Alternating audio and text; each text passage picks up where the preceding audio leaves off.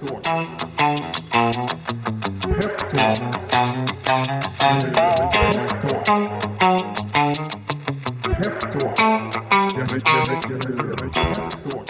och välkommen till ett nytt avsnitt av Peptalk som idag leds av mig, Martin N Larsson. Och mig, Jakob Karlgart. Idag gästas vi av Tahero Nouri, VD och grundare av Buddy Company som är en one-stop shop-plattform och marknadsplats för hushållsnära tjänster såsom städning, målning och teknisk support. Kul att ha dig här Theo och varmt välkommen hit. Kul att vara här. Eh, samtalet idag tänkte vi skulle handla en hel del om hur eh, arbetsmarknaden eh, ser ut och hur den kommer att utvecklas framöver. Dels från ett svenskt perspektiv men också från ett större europeisk kontext. Mm. För det bolaget som du grundade 2016 är idag verksamma på ett antal europeiska marknader. Och så det kanske också kommer leda oss in då på, på Buddy Company där du får berätta mer om er vision och er mission. Eh, vill du börja med att berätta lite om dig själv och din bakgrund? Jajamän. Uh, mitt namn är Tairo Nouri och uh, precis som ni kände, jag är grundare av Buddy Company. Jag har en uh, bakgrund inom teknik och entreprenörskap och har alltid haft en passion för att skapa lösningar som förbättrar människornas liv. jag jobbade i åtta år i stort retailbolag, ägarna till Mediamark. jobbade med logistiklösningar till inköp till eh, lansera nya coola produkter. Eh, hitta coola bolag från över hela världen och som vi lanserade i 17 länder. Eh, och jag såg ju en jättestor utmaning med att hur digital, digitala lösningar och teknikutveckling sker i en takt som konsumenten hänger inte med. Det var ju rejäla returer när det kom till Sonos-system, till smarta hemmet, till datorer. Eh, och, och, då tänkte jag, eh, det här måste vi kunna lösa på ett helt annat sätt. Hur kan vi gå ifrån att sälja en produkt till sälja en lösning? Och då var jag väldigt inspirerad eh, av Uber-gänget när jag var i San Francisco eh, för länge, länge sedan. Var inte de mer än 20-mannas bolag. Och då tänkte jag, hur kan man tänka Uber fast tänka hållbar? För att jag förstod att amerikaner inte oftast tänker på regelverk. De tror Europa är du vet, eh, ett kontinent och ett språk och eh, regelverk utan att det är väldigt fragment i den europeiska marknaden. Speciellt att eh, i min tidigare karriär på Mediamark jag jobbade med så många olika länder och såg så eh, jättemycket utmaningar. Så tänkte Uber för alla tjänster i hemmet. Vi börjar med tekniksupport för att inte bli eh, hur ska man säga, distraherade av för många olika problem och fokusera bli bäst på en vertikal och sen rulla ut det Eh, i alla vertikaler som har med tjänster i hemmet att göra. Och det, det har varit väldigt spännande för att kollar man på TechBuddy eh, när vi lanserade den 2017 eh, då spenderade vi i snitt en timme till en timme och, och kvart hemma hos kunden. Men sen blev ju våra buddies tillfrågade, skulle inte du kunna också hänga upp den här tv-apparaten? Skulle inte du kunna hjälpa med det här också? Så då var det ju väldigt, väldigt naturligt för oss. Eh, men eh, sen har det här blivit mycket större. Eh, vår plattform Eh, vi märkte ju att eh, vi måste ha en plattform som vi själva byggt från A till Ö. För att managera, organisera, incentivera människor som inte är anställda av dig direkt kräver ju en helt annan lösning. Då byggde vi allt från grunden och kodade den uh, inhouse. Häftigt. Eh, du har ju under flera år verkat i, i den här gigekonomin, vilket betyder att traditionella anställningar byts ut mot att anställda istället får betalt för enskilda uppdrag, så kallade gig. Mm. Vill du berätta lite grann om din syn på hur detta har utvecklats de senaste åren och vad du lite grann tror att utvecklingen är på väg? Mm. Jag tror det har ju, de senaste åren har vi sett en eh, snabb tillväxt inom gigekonomi såklart. Jag tror att detta beror på självklart flera faktorer såsom teknikens framsteg, eh, förändrade arbetsvärderingar eh, och en önskan av mycket större flexibilitet. Eh, jag ser utvecklingen kommer att fortsätta i denna riktning och att fler och fler människor kommer att nyttja av gigekonomi som ett sätt att skapa balans mellan eh, arbete och fritiden. Kollar vi på våra buddies så uh, majoriteten av dem tycker att det bästa med att jobba på Buddy Company är ju flexibiliteten. Uh, sen är det kanske bra att flika in. Uh, jag är född i Teheran och mina föräldrar flydde från Iran när jag var sju. Vi kom till Sverige när jag var tolv. Uh, samt där har ju hänt ganska mycket. Vi har varit på flykt i fem år och sett den största utmaningen i livet. Men om vi skippar den delen och när vi kom till Sverige så jag har ju sett integration och segregationens utmaningar själv inifrån. Uh, min eftersträvan har ju alltid varit hur ska man kunna göra att inte en enda människa som min pappa som var en entreprenör ska inte behöva knäckas ihop av systemet. Och gigekonomi var ju definitivt någonting som jag såg direkt. Du ska inte behöva se liksom din CV, var du kommer ifrån utan att vad du kan göra här och nu. Och är du ansvarsfull som, ansvarsfull som människa så kommer du kunna lära dig, kommer du kunna utveckla dig själv. Och gig, gigekonomi är ju en perfekt eh, match för det. Du ser det som ett naturligt typ insteg till en arbetsmarknad också eller? Ja, 100 procent. Mm. 100 Men det är ju också så här att, nu inte för att gå in i AI-diskussioner i den här podden, men eh, jag menar kollar man på framtida jobb, vad kommer vi alla jobba med om tre, fyra år? Det är ju en, en svar som ingen har uh, svar på, eller en fråga som ingen har svar på. Mm. Och där handlar det om att uh, titta på människor som giggar. Majoriteten av dem jobbar ju väldigt mycket inom kreativa jobb. Jag, sen har ju gigekonomi har fått kanske ta en smäll när det kommer till uh, Uber och Foodora och liknande. Tyvärr. Oftast är det ju riskkapitalist ägda bolag, oftast amerikanska bolag som jag nämnde lite tidigare, som inte kanske förstår sig på det hållbara eh, regelverk kring anställningsformat. Eh, men eh, många av de människorna som jobbar med det, det finns ju ganska många statistik, de älskar att jobba som giggare. Och jag tror det kommer bli en, det nya anställningsformat i framtiden. Mm. Och det här är ju verkligen en politisk fråga som till, till stor del faktiskt intresserar mig. Men om vi, anställningsformen, om vi kallar den för det, det är ju som sagt en politisk fråga där man från tid till annan pratar om att reglera den. Mm. Är det en icke-fråga under den regering vi har idag kanske? Och, och vad ser du händer? Eh, och skulle en viss reglering kunna vara av godo också? Vi har ju sett väldigt många bra förändringar som har skett. Jag tror innovation är alltid någonting som många har någonting emot eh, och jag har full förståelse för det. Men eh, att reglera det är ganska viktigt. Jag, jag, tycker ju det vi har gjort från början på Buddy Company, vi har sagt att vi ska gå rakt eh, emot det som ska vara en enkel plattform utan att vi tar ansvar för våra buddies. Vi betalar deras skatt, arbetsgivarkostnader, försäkring, pension och det ser de in i appen. Vi har byggt den. Det har varit en otrolig kostnad för oss att ta för att utveckla den, för att det ska vara enkelt för giggare att förstå att är man del av välfärden så måste man bidra till välfärden. Och när de tar varje uppdrag så ser de en summering. Hur mycket pengar har gått till skatten, arbetsgivarkostnaden, att vi har betalat för deras försäkring och pension. Och jag själv har ju all hands för våra buddies där jag berättar att det är väldigt viktigt att inte tro att det är enkla snabba cash. Utan att när du jobbar hos oss så betalar du skatt. Du bidrar till välfärden. Och det är det som gör det också så mycket enklare att man, vi kan bygga den affärsidén. Eh, vi har stora partners som är börsnoterade eh, som, som Telia. Eh, det är ju, vi hade aldrig kunnat göra affärer om inte vi gick försöka hitta rätt enkla vägen och shortcuts. Utan att det, vi har eftersträvat det. Det har visat sig att det funkar hur bra som helst. Det finns tillräckligt eh, eh liksom betalningsvilja för att det ska löna sig att vara giggare, vara del av välfärden och kanske jobba med det här 100% av tiden. Nästa steg för oss har det varit sen nu ett år tillbaka. Det är att vi hjälper våra buddies att starta sina egna bolag.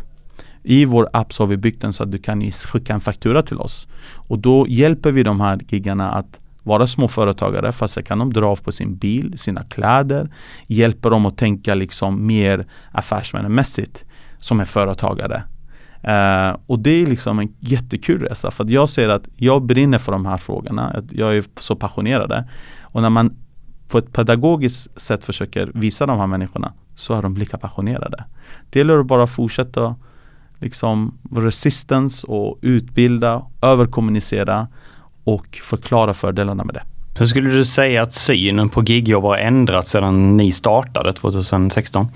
Så det kommer ju eh, ganska många olika eh, artiklar och uppdateringar till, eh, till, i diverse olika kanaler om det. Jag tycker att eh, vi kvarstår och tycker att det här är framtida, ett av de lösningarna för att vara anställd i framtiden. Eh, och det gäller att vi ska göra rätt för oss. Eh, inte försöka undvika eh, eller ville liksom genomgå vissa regelverk för att göra det enklare för oss. Eh, I varje möte jag har så eh, highlightar jag vikten om att det är väldigt viktigt att vi tänker långsiktigt och inte kortsiktigt. Att eh, vi anpassar oss till lokala regelverk, respekterar det och vara med och utveckla det. Jag menar i ett land som Spanien som har ett av de absolut mest komplexa eh, vad heter det, regelverk kring eh, employee eh, regulation. Um, där, har vi, där fick vi liksom för fyra år sedan eh, en sån här eh, bidrag till att ni är det enda bolaget som vill samarbeta med oss. Så här finns det ju många gig-plattformar i Spanien som Glovo och liknande. Så det var kul. Uh, vi har lyckats göra det i Tyskland, vi har lyckats göra det i Israel. Så det lönar sig. Men jag fattar att kortsiktigt kanske inte syns i, i böckerna. Men långsiktigt att vara en aktör som driver på den till ett positivt och fördelaktigt för alla och inte bara vissa uh, eh, är rätt väg att gå. Ni, ni påbörjade ju er internationalisering för något år sedan och som du själv nämner, ni är verksamma i Tyskland, i Spanien, eh, också numera i Israel. Eh, vad är, liksom, är, är trenderna och tendenserna de samma på dessa marknader eller vad är det som har gjort att ni har tagit just de här länderna? Vi har varit etablerade i Israel sedan nästan två och ett halvt år tillbaka. Den expansionen som vi gjorde var ju väldigt, väldigt snabb från början för att eh, jag kommer från ett internationellt bolag från början och såg potentialen. Ingen skulle komma eh, ihåg vad Uber var om de fanns bara kvar i San Francisco. Så för mig var internationaliserat att vi ska vara ett europeiskt bolag med svenska värderingar och DNA var varit väldigt viktigt sedan dag ett. Sen har ju tyvärr den expansionen eh, stagnat lite på grund av pandemi och, och, och, det vi upplever idag. Men vi ska ta tag i det. Det ska jag faktiskt berätta lite senare här i slutet av den här podden.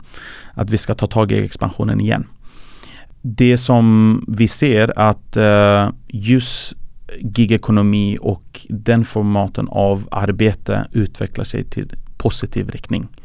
Och regelverk förenklas till och med i många länder mer och mer. Eh, man, kan inte, man kan inte motarbeta det när människor vill jobba med diverse olika jobb. De vill vara själva, bestämma sin tid och schema och tjäna jättebra med pengar. Eh, det är inget negativt. Eh, bättre att människor jobbar än att gå på bidrag. Uh, spelar ingen roll om det, det här är ditt som första jobb eller det här är som ett, en extra knäck. Vi har många människor som jobbar eh, uh, 100% på ett annat ställe och väljer att extra knäcka hos oss på helgerna och, och, och efter jobbet. Uh, och det funkar ju hur bra som helst för dem. Ja, intressant. Eh, givet den internationaliseringen som ni har gjort, vad, vad, är det i er affärsmodell som gör det, bolaget så skalbart? Det jag skulle säga är ju att hur vi har tänkt kring eh, eh kombinera human skills, det vill säga om du tycker om att jobba uh, med teknik eller uh, är duktig med, med hand, uh, vad heter det, verktygslåda, kan vara hantverkare, eller du är duktig på allt som är kopplat till just våra tjänster. Och då kombinerar vi, det med vår tekniska lösning och infrastruktur. Hur du plockar upp jobb, hur du fortsätter att hålla dig uppdaterade med senaste, liksom, eh, vad vet jag, lanseringar av nya teknikprodukter till att kunna matcha den till en slutkonsument eh, på lokal nivå har det gjort att det har varit det jag brukar kalla en asset light affärsmodell. Vi behöver bra marknadsföring, bra partnerskap, bra plattform och bra människor som vill jobba. Kopplar man connect, if you connect those dots så blir det en, en gedigen och genomtung affärsidé. Sen har vi gjort tusentals misstag på vägen. Men de har ju gjort oss bättre och bättre för varje dag. Om vi håller oss till den, den, svenska marknaden så finns det ett antal aktörer som verkar inom det här gigsegmentet mm. och självklart i olika delar utav det. Vi har Klasfixare, vi har Gigger, vi har ett annat peppinsbolag som heter Frilansfinans, bara mm. för att nämna några. Hur skulle du säga att ni skiljer er åt eller hur kompletterar ni varandra eller försöker Buddy Company göra allt utav det? Mm. det jag skulle säga så här, vi fokuserar på att vara bäst eh, på, vara bäst på det vi är eh, bra på och förbättra oss varje dag. Om man tittar på eh, siffrorna Eh, sen 2017 så har vi servat över 300 000 kunder i deras hem. 300 000 kundbesök har gjort oss otroligt mycket bättre än eh, någon annan i marknaden. Speciellt att de 300 000 kunderna är ju inte, alltså det är inte bara i Sverige utan att det är ju Spanien, Tyskland. Kultur är ju väldigt, väldigt viktigt. Vår plattform, den tekniska lösningen som vi har, vi har själva byggt och äger och inte licensierar den. Partnerskap, det vill säga kunna paketera det här för stora partnerskap som vi har i vår portfölj med stora partnerskap som Telia som ett exempel eller Ikea Spanien gör ju att vi utbildar och är väldigt pedagogiskt också för våra partner. Veta hur kan vi lösa ett huvudverk och inte bara med det, också ni får en kickback och tjäna pengar på det. Uh, det är den andra. Och den tredje, vår uh, obsession, vår passion med uh, just att hur kan man lösa en kundsproblem, eh, skapa jobb samtidigt och det finns tillräckligt för alla för att kunna plocka hem en vinst på det. Det är de tre grejerna eh, vi fokuserar på varje dag. Och eh, det skulle jag säga har skapat en gedigen infrastruktur och en plattform för oss att kunna bygga vidare på det och utmana oss skulle jag säga. Och inte bara fastna på liksom svenska marknaden för att om man fastnar på den svenska marknaden då glömmer man bort vilka andra utmaningar som finns där ute. Och jag, en kan ju säga så här, ja men man kunde fokusera bara på den svenska marknaden och sen vidare. Ja men då hade vi inte vi lärt oss och inte kunnat bygga den plattformen som vi har byggt idag. Vi har byggt en plattform som vi licensierar till stora bolag. Som till exempel Kjell Company innan pandemi. De licensierade vår plattform för att de skulle bygga sin egen techbody.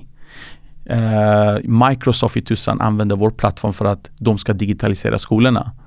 Mediamark använder vår plattform i Spanien för att de ska skicka sina egna anställda i varuhus. När du köper en kyl och frys så är det samma person som bokar in i vår plattform som kommer hem till kunderna och eh, installerar det.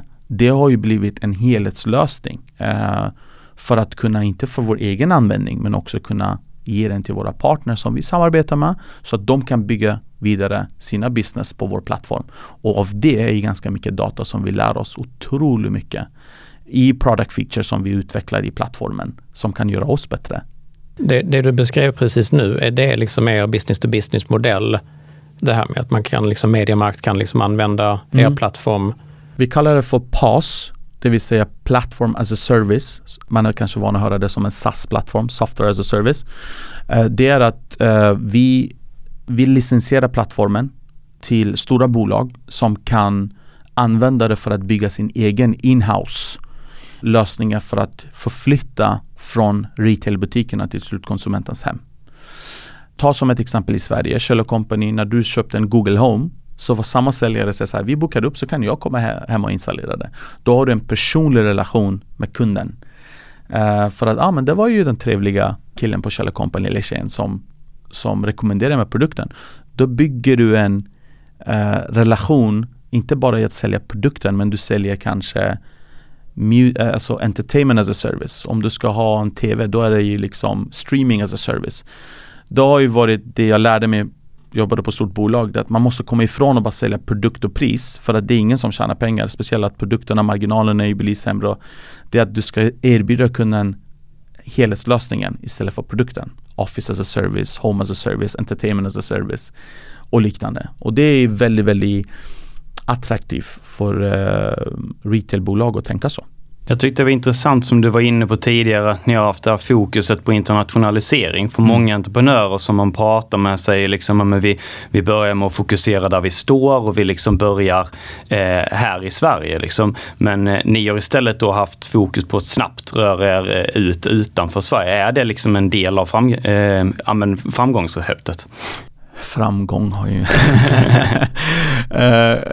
ja, eh, varför jag skrattar åt det, det gäller att uh, sen 2017 när vi startade bolaget så tre år av det har varit i pandemi och krig och allt det där. så det är riktigt intressant med framgång. Men uh, jag skulle säga så här definitivt. Uh, definitivt. svensk var, svensk, svenska bolag, svensk varumärke har en väldigt, väldigt attraktiv rykte eh, ute i globala marknaden. Och det har vi kunnat eh, utnyttja. Eh, och eh, sen har vi i Sverige RUT som har också varit väldigt fördelaktigt.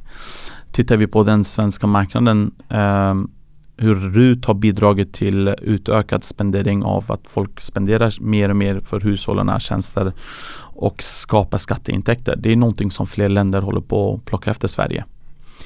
Sen är de långt efter när det kommer till digitaliseringen av det. Uh, för att här är det vi som claimar uh, resterande när kunden betalar. Så beställer du sig att någon ska komma hem till dig och kolla på din router, att du ska få bra täckning i hela hemmet. Det kostar runt 399 kronor och sen resten claimar vi direkt. Um, och det, det, är någonting som uh, vi presenterat i vår uh, go-to-market-strategi. Och tittar vi som ett exempel på Spanien, där hade det inte det RUT, men där var det ju varumärkena väldigt intresserade av att kunna erbjuda det. Som ett exempel Samsung eller Sony, Eh, de premium varumärkena. De vill ju kunna erbjuda just det som kanske Apple har lyckats bäst med, med sin Apple Care eller Genius Bar. Men dock är det i deras butiker. Den har vi demokratiserat för alla varumärken i kundens hem. För mycket mer fördelaktigt och förmånligare eh, priser. Och det, det skulle jag säga är en väldigt, väldigt viktig framgångsfaktor för oss. Att stora varumärken tar vårt varumärke som Powered by TechBuddy eller Powered by Buddy Company det har varit någonting som gynnat oss av varumärke, eh, reputation eller rykte som, som, som vi har kunnat etablera. Ja, coolt. Eh, ni har nyligen gjort ett förvärv av eh, Mova. Mm. Eh, vill du berätta lite om det bolaget och hur det passar in i Buddy Company? Förra året gjorde vi fyra förvärv.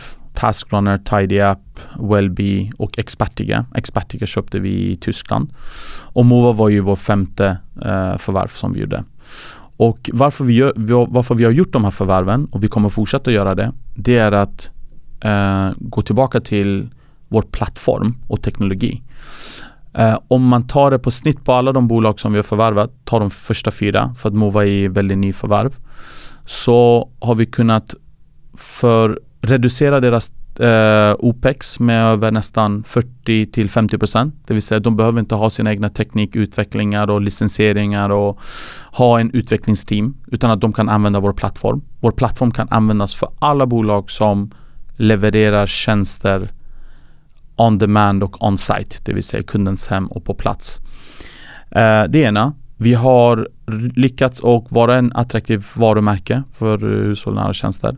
Då kan vi skicka de kunderna, erbjuda våra kunder som beställer en TechBuddy. By the way, vi också har stat och vi har också handyman-tjänster.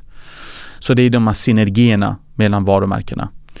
Och eh, bolagen som vi har förvärvat är kopplat till eh, en synergieffekt. Det vill säga, låt oss säga så här, jag och Martin, Martin är en kund hos oss och byggt, har en relation till oss. Vi har varit hemma hos honom och hjälpt dig med din Sonos-system. Då är det så mycket enklare för Martin att säga så här, men jag vill också en hantverkare. Eller jag också behöver någon hem med städ i hemmet. Eller någon som kan plocka, återvinna den här kyl och frys som jag inte använder någon mer för att jag köpt ny. Och den liksom kopplar samman den här värdeerbjudandet gentemot kunden är ju fördelaktigt för oss. För att komma till Mova, svar på din fråga. Mova är ju som ett exempel ett bolag som har en fantastisk teknologi och plattform som de har byggt. Uh, och vi har idag runt 2000 kunder som behöver hjälp i Sverige för att transport eller återvinna. Vi kan inte erbjuda de tjänsterna. Och förvärvet av Mova gör ju en komplettering av det värdeerbjudande. Och speciellt det som jag tycker är väldigt intressant det är att hur den här second hand market, andrahandsmarknaden eh, uh, kommer se ut du kan ju bara lägga upp i Movas app. Jag har en iPhone 10 som jag inte använder. Någon kan plocka upp det bara. Istället för att det ligger i en eh, låda hemma. Då kan du också som konsument få få grejer och inte bara spendera på våra plattformar. Eh, eller så ser du på Movas plattform, jag behöver köpa grejer från Ikea och Bauhaus. Jag har ingen bil. Då kan du bara lägga upp det i appen med listan med artikelnummer. Så någon som har bil och har tid, plocka upp den, leverera den till dig. Så jag tänker väldigt mycket convenience ska vara tillgängligt och det ska vara prisvärt. För att istället för att jag ska behöva hyra en bil och åka till Ikea och göra det, någon annan har bil och har tid och vill extra knäcka på ett hållbart sätt. Eh, är jag väldigt exalterad över.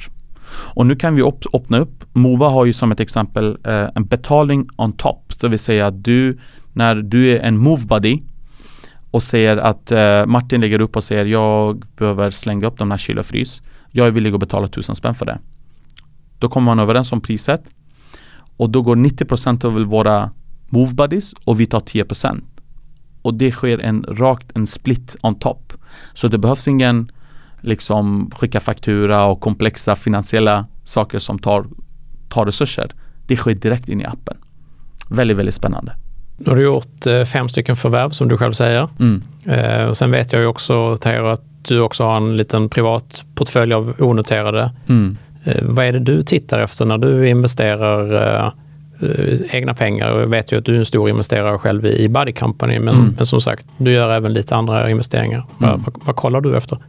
Jag kollar oftast väldigt mycket på teamet och eh, det finns massa idéer. Men teamet är ju definitivt den viktigaste komponenten för att det ska, en affärsidé ska fungera. För att är det ett fantastiskt team så kommer de aldrig ge upp tills eh, de har hittat sin product market fit. Eh, sen är det ju liksom, det ska vara skalbar det ska vara plattform och att grundare-teamet har förstått sig på sin affärsmodell och snabbt kunna se att de kan anpassa sig såklart om man kollar på de här tiderna vi lever i kunna anpassa sin affärsmodells unit economics och man ska kunna tjäna pengar. Att det, man kan se det finns eh, pengar kvar till de som gör jobbet, de som betalar eh, och att man kan skala upp det.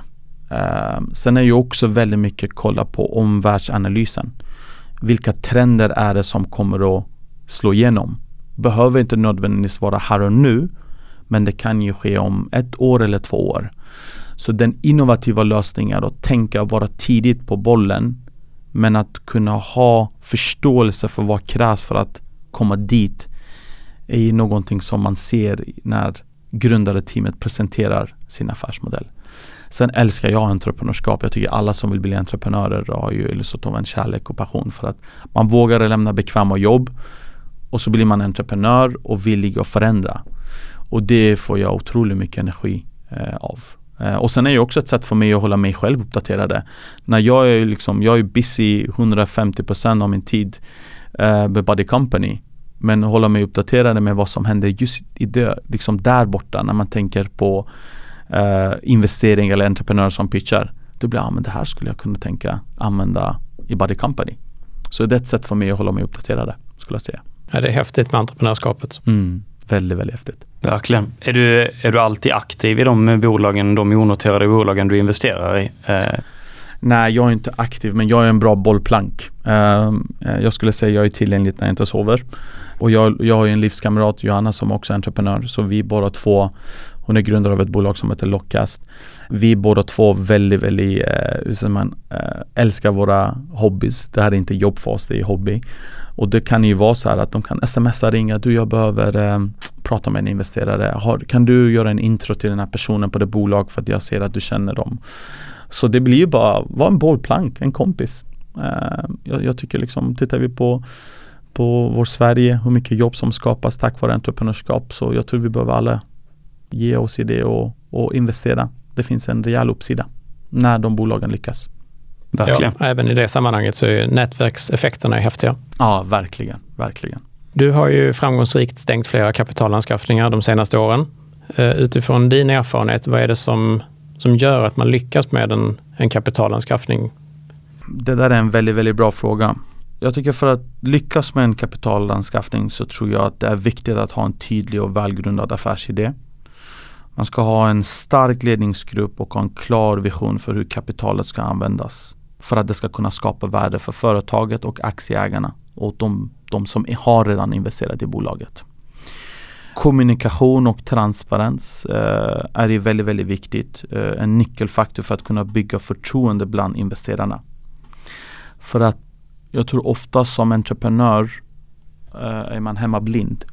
Och det, kanske inte kan kommunicera på ett rätt sätt för att kunna göra det tydligt för de som inte jobbar med det bolaget varje dag.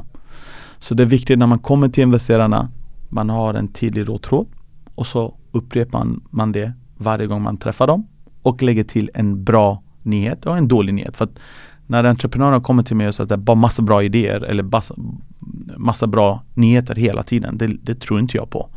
För att driva ett bolag. Jag brukar säga om jag visste vad jag går igenom varje dag så hade jag aldrig startat ett bolag. Sen är jag född och uppvuxen i en entreprenörsfamilj så jag, jag, jag, tror inte att är sant. Men så känner jag i alla fall. Eh, men när man har lyckats med det så finns det inget annat som är roligare. Så jag tror bygga förtroende, involvera människor och vara tydlig med om man behöver hjälp och varför vill man ha de pengarna.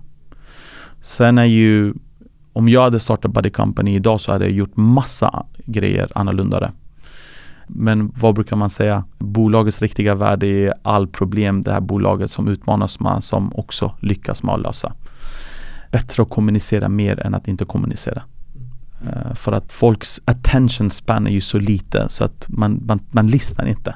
Göra det enkelt för som, de som är mottagare och de som eh, är intresserade och inte slösa bort sin tid för att gå på massa investeringsmöte. Eh, jag brukar rekommendera uh, entreprenörerna att VC är alldeles för tidigt man ska lägga för mycket tid.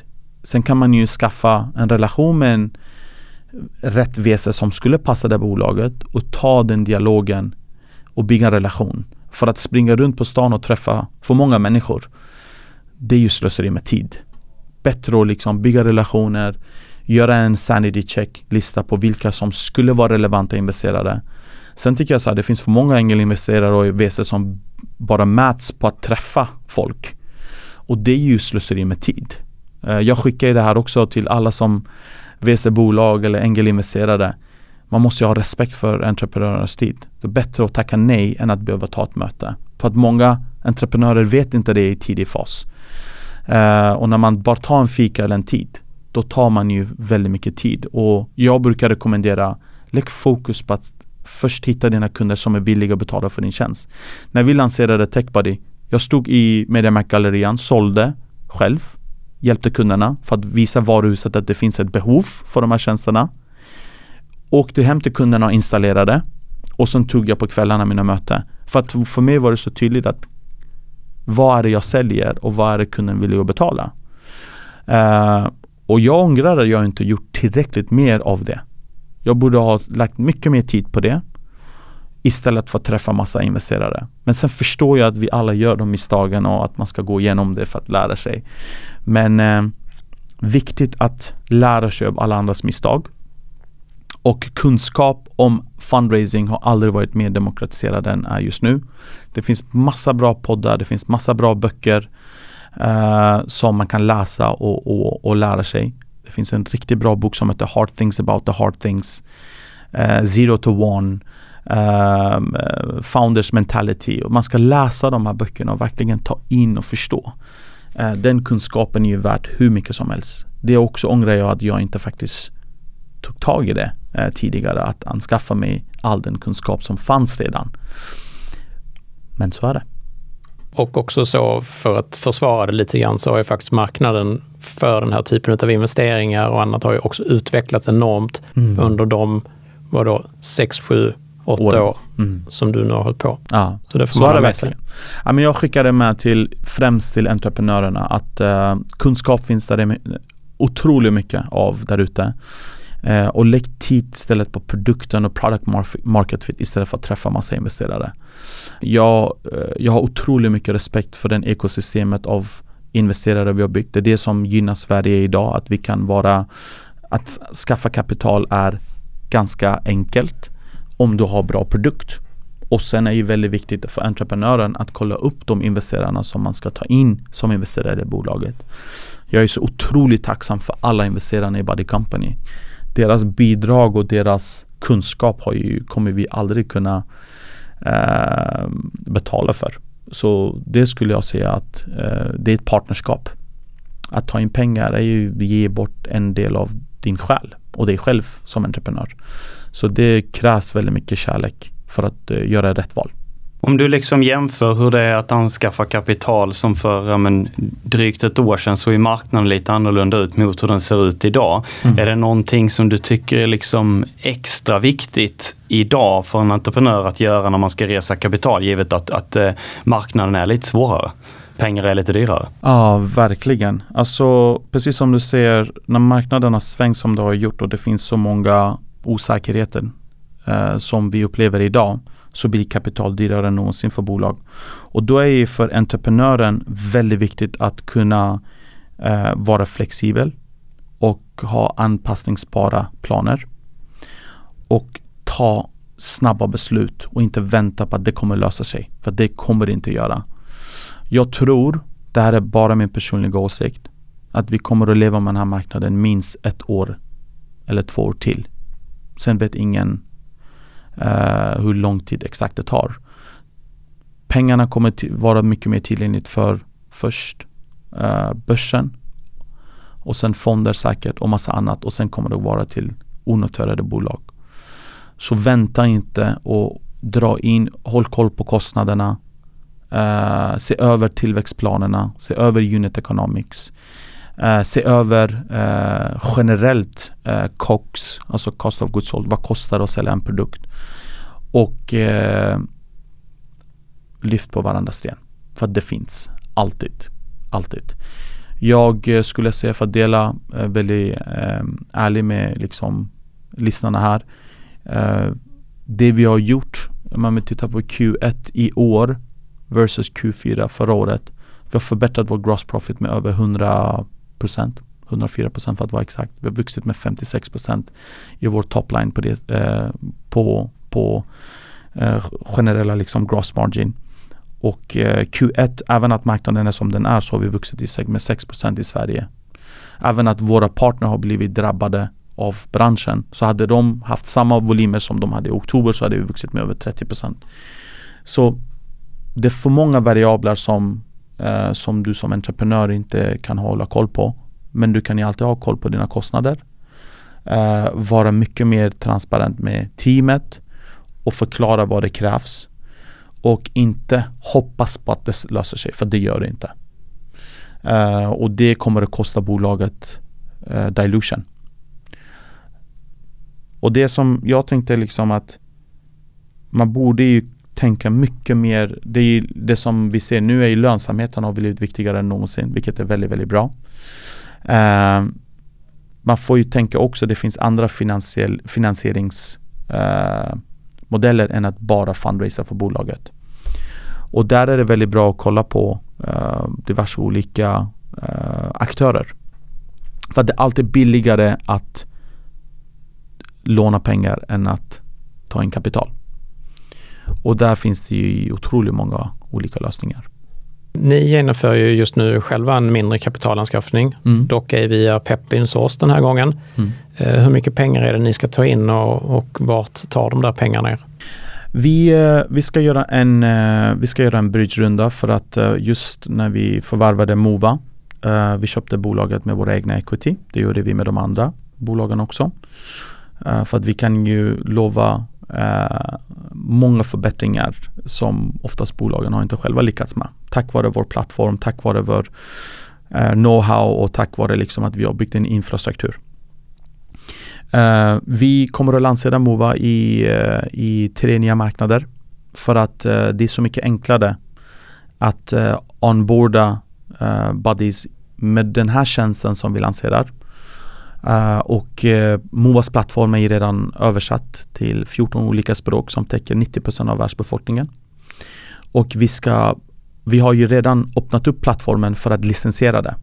Ta alla bolag som har upp till eh, uh, 100 bilar som, kan, som levererar idag varor till slutkonsumentens hem. De kan ju licensiera bara Movas plattform.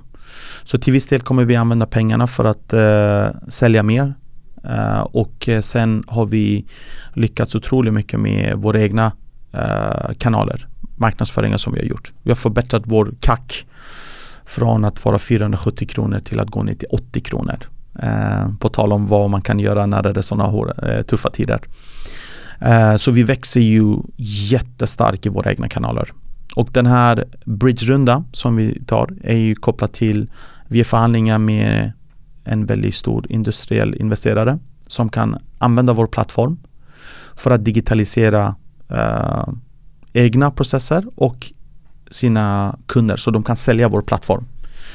Eh, vi har haft otroligt bra diskussioner eh, som, eh, som jag är väldigt, väldigt taggad över. Och de pengarna tar vi ju, vi har ju redan, av de 10 miljonerna så har vi redan säkrat 4 miljoner av det. Um, så det är ju 6 miljoner kvar och då är det på en convertible note som inte har något golv eller tak. Som, uh, som konverteras vid nästa runda. Och uh, jag skulle säga så här, det är så tacksam att veta att med allt vi har lyckats och, och den resan vi har gjort um, av uh, se över alla kostnader och Eh, optimera på alla nivåer gör ju också så att man blir mindre stressad över pengar.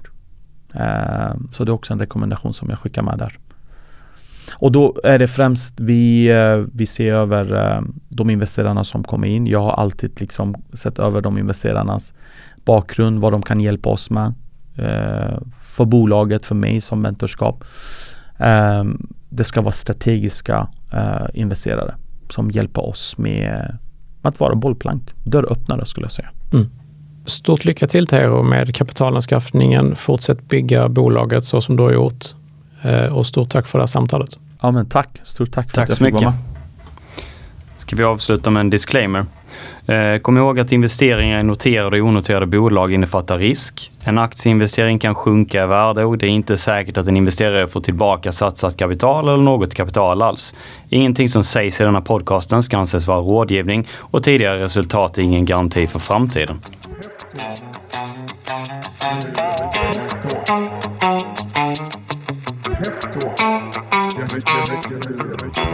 Pep